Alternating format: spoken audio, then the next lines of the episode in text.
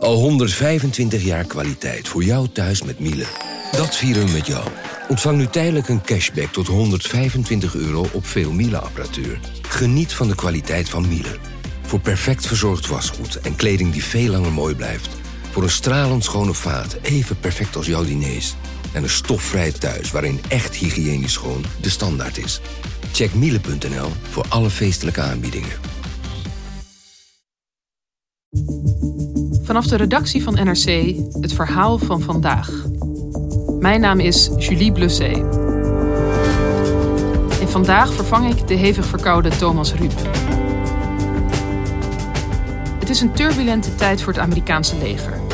De afgelopen weken verdampten jaren van militaire inzet toen de Amerikaanse troepen op bevel van president Trump plotseling uit Syrië moesten vertrekken. Tegelijkertijd behaalde het leger een grote overwinning door de leider van IS uit te schakelen. Hoe zit het nou met de verhouding tussen Trump en zijn leger? Dat besprak Amerika-correspondent Bas Blokker met de voormalige legerbaas Michael Mullen.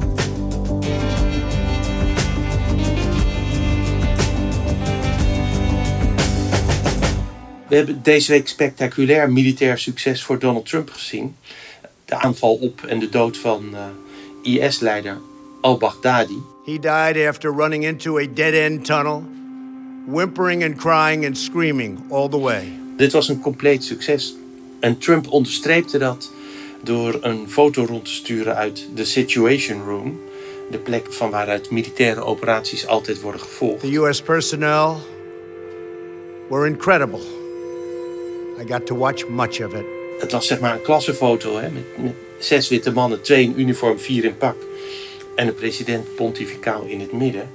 En ik weet niet hoe dat bij jullie is, maar ik moest meteen denken aan, een, aan de eerste foto die ik ooit van zoiets heb gezien.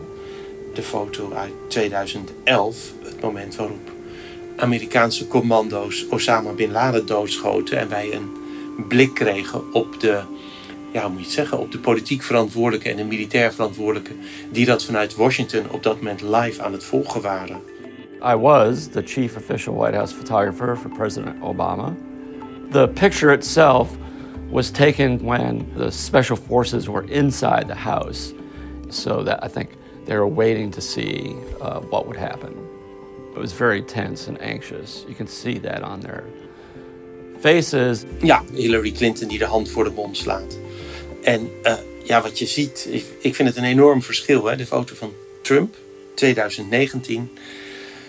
De president zit in het midden als, als de veldheer. Aan de zijkanten zitten zijn adviseurs. En vergelijk dat met de foto van 2011. Daar zit president Obama eigenlijk bijna ineengedoken in een burgerjasje. In in, niet eens in een, in een pak, maar met een sportjackie aan. En centraal in de foto is de belangrijkste uh, militaire bevelhebber op dat moment. De man die voorovergebogen op zijn computer zit te kijken. When the president walked into this little conference room, there was a brigadier general sitting at the head of the table, and he stood up to give the president that chair. And, and uh, the president said, No, no, no, no, you stay there because he was on his laptop in communication.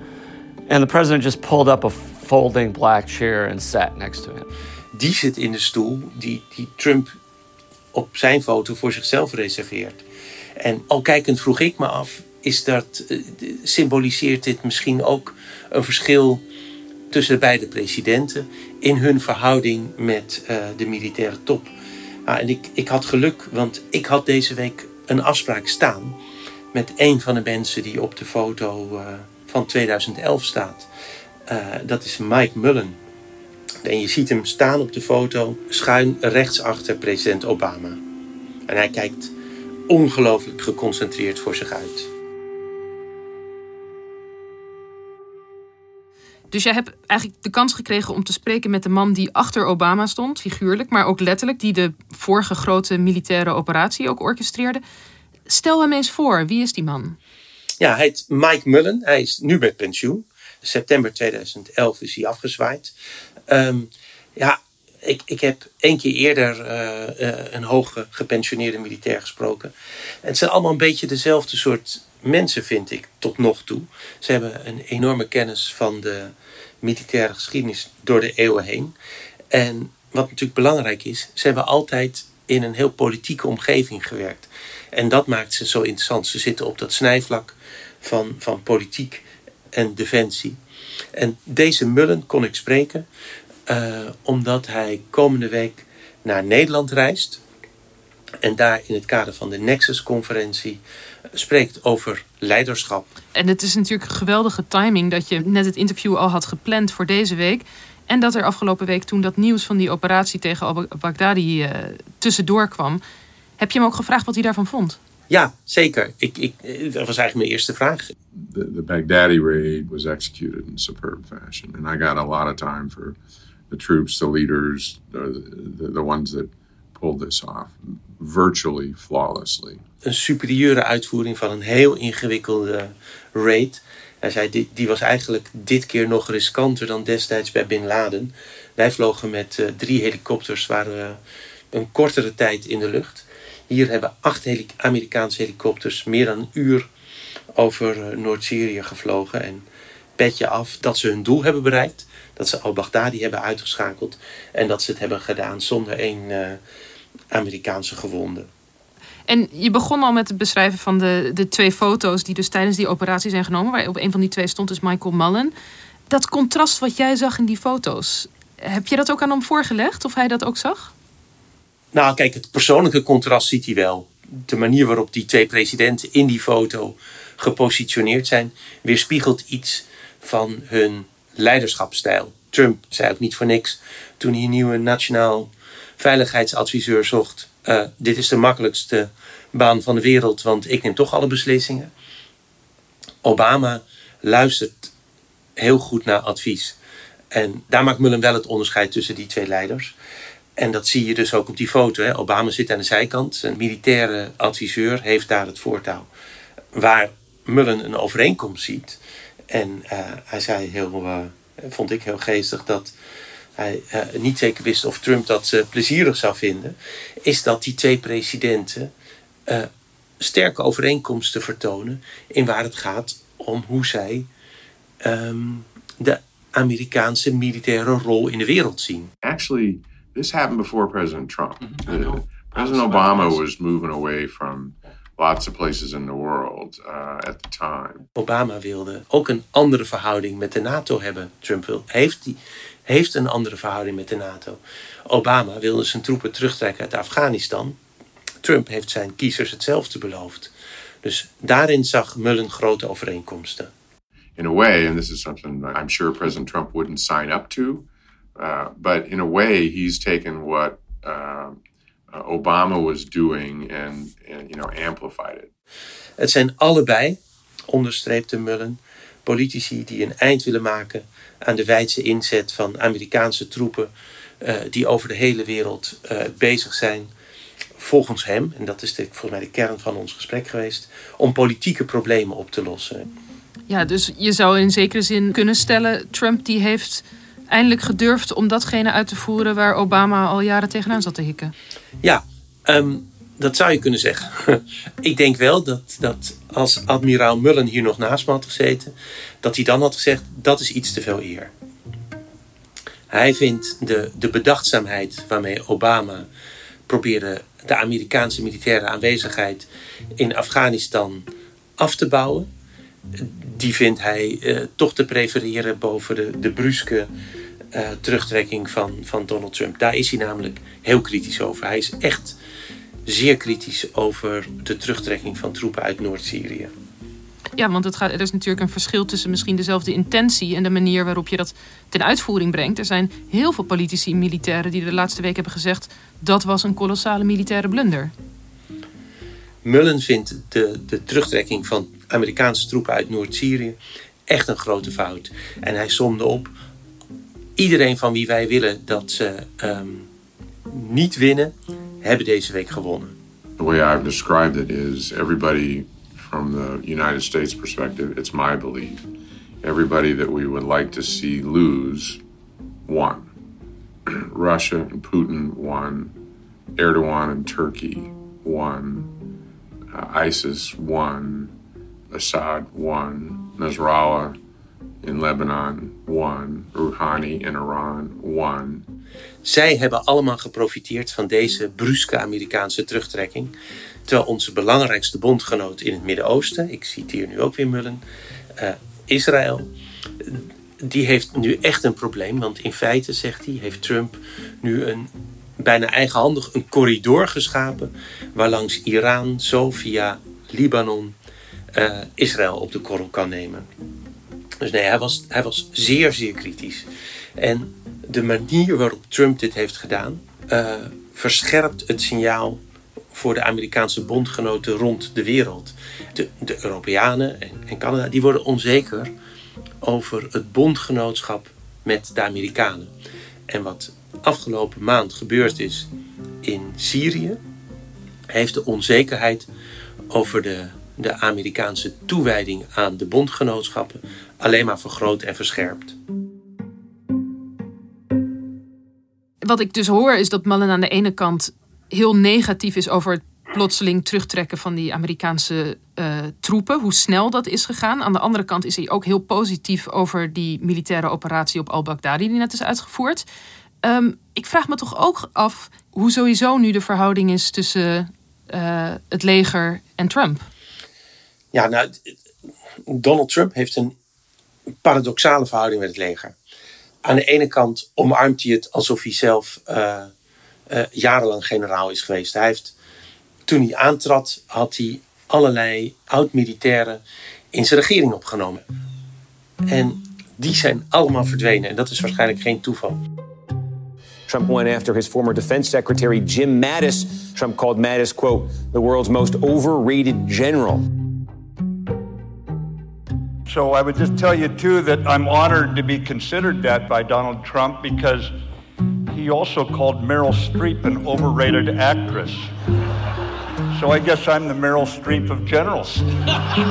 Want Trump heeft niks met het leger. Hij volgt zijn eigen instinct. Dat zegt hij altijd.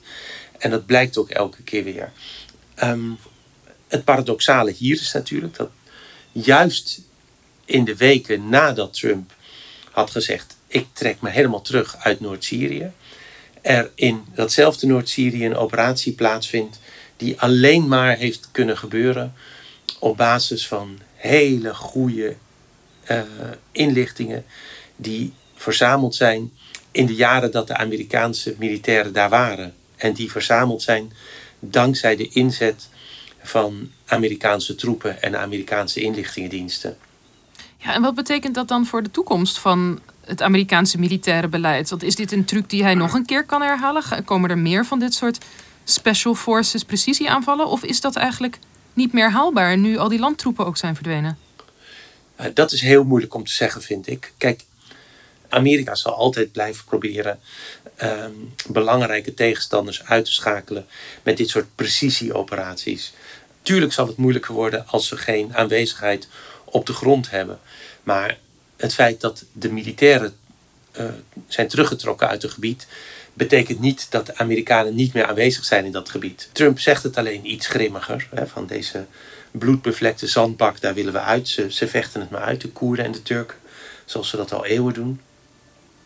En Obama doet het bedachtzamer, maar ze doen het allebei. De beweging is dezelfde.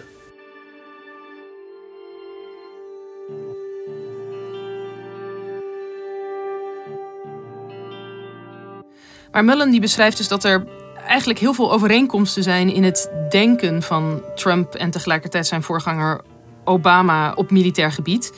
Allebei wilden ze de troepen weghalen. Waarom is het Obama dan eigenlijk nooit gelukt?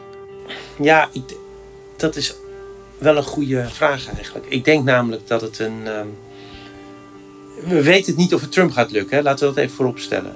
Je ziet aan wat er in Syrië gebeurt, hoe ongelooflijk ingewikkeld is om je troepen terug te trekken. Je kunt het eigenlijk nooit goed doen, want de situatie is nooit ideaal. Dat zegt Mullen ook. There is no such thing as a clean exit. It's too easy to get into war, and it is almost impossible to get out.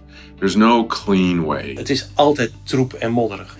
Maar het is uit wat er in de geschiedenis is gebeurd, kun je zien dat Obama elke keer zich door de omstandigheden, en waarschijnlijk dus ook door zijn adviseurs, zich heeft laten overtuigen van ik kan mijn belofte niet houden. Uiteindelijk zijn er altijd Amerikaanse troepen gebleven in Afghanistan. Hij heeft er meer heen gestuurd. Hij heeft er een heleboel weer uit weggehaald. Dus hij heeft het aantal troepen in Afghanistan wel gereduceerd. Maar hij is nooit bij zijn verkiezingsbelofte uitgekomen. Gewoon omdat hij zag, ik, dat land is er niet klaar voor. Hij zag dat het Afghaanse leger, dat door de Amerikanen werd getraind, helemaal niet opgewassen zou zijn tegen de, tegen de Taliban en andere uh, strijders daar. Kortom, hij heeft, ja, je zou kunnen zeggen, zijn verantwoordelijkheid genomen als politieman van de wereld. Terwijl hij dat juist niet wilde. Obama en Trump lijken hierin op elkaar. Die willen niet dat de Verenigde Staten de politieman van de wereld zijn. Het enige is dat Obama dacht, ik moet wel, want wie weet hoe de consequenties zijn als ik het niet doe. Terwijl Trump in Syrië in elk geval heeft gedacht, nou ja, dan slaan ze elkaar maar daar de hersens in. Hij, heeft, hij vindt weliswaar dat de Turken uh, te hard zijn ingehakt op de Koerden, maar uiteindelijk zegt hij, die waren toch al eeuwen met elkaar aan het vechten en wij zijn er gewoon tussenuit gegaan. En dat is denk ik het grootste verschil. En wat vindt Mullen daar zelf van? Nou, daar is hij ontzettend eigenlijk bang voor. Hij is bang dat, dat Trump, om zijn politieke verkiezingsbelofte te kunnen houden, uh, iets militair doet dat enorme geopolitieke consequenties heeft. Namelijk het terugtrekken van de troepen uit Afghanistan. Waarmee het volgens hem weer gewoon een vrijhaven voor internationaal terrorisme uh, wordt. Well, I think, uh, I mean, what's ironic to me is Uh, the political promises that get made. So Obama, in his political campaign, said, "I'm getting out of Iraq." He did that. Um, uh, and pulled all the troops out and did it pretty quickly, and it wasn't a very good outcome. Um, Trump has said the same thing, uh, and my expectation, my worry is it will do the same thing in Afghanistan at some point. 20 jaar lang oorlog in Afghanistan heeft hem sceptisch gemaakt over het vermogen van het leger. En zelfs een superieur leger als het Amerikaanse. om complexe situaties op te lossen. Hij zei het, hij zei het eigenlijk ook weer over de raid op al-Baghdadi. Hij zei: die is nou doodgeschoten. Hartstikke fijn, want het was een rotzak. En dan zal IS zal met een nieuwe leider op de proppen komen. The question is now for ISIS, as it was for Al Qaeda, will somebody else show up? En uh, dat wordt misschien weer nog een rotzak. En dan schieten we die ook uit de lucht. Maar uiteindelijk, zei hij, kunnen we ons niet al schietend een, een weg naar het einde banen. Uiteindelijk zijn dit politieke problemen. Waar de inzet van militaire middelen maar beperkt helpt. Fundamentally, I believe you can't kill your way through all this. You can't kill them all.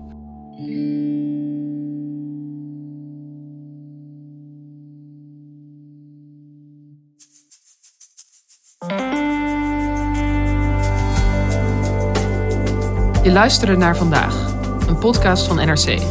Eén verhaal, elke dag. Dit was vandaag, morgen weer.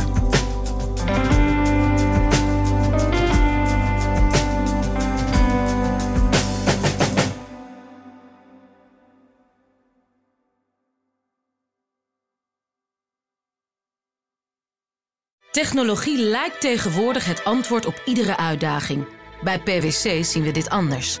Als we de potentie van technologie willen benutten, kunnen we niet zonder een menselijk perspectief. Human-led, tech-powered noemen we dat. Ga naar pwc.nl.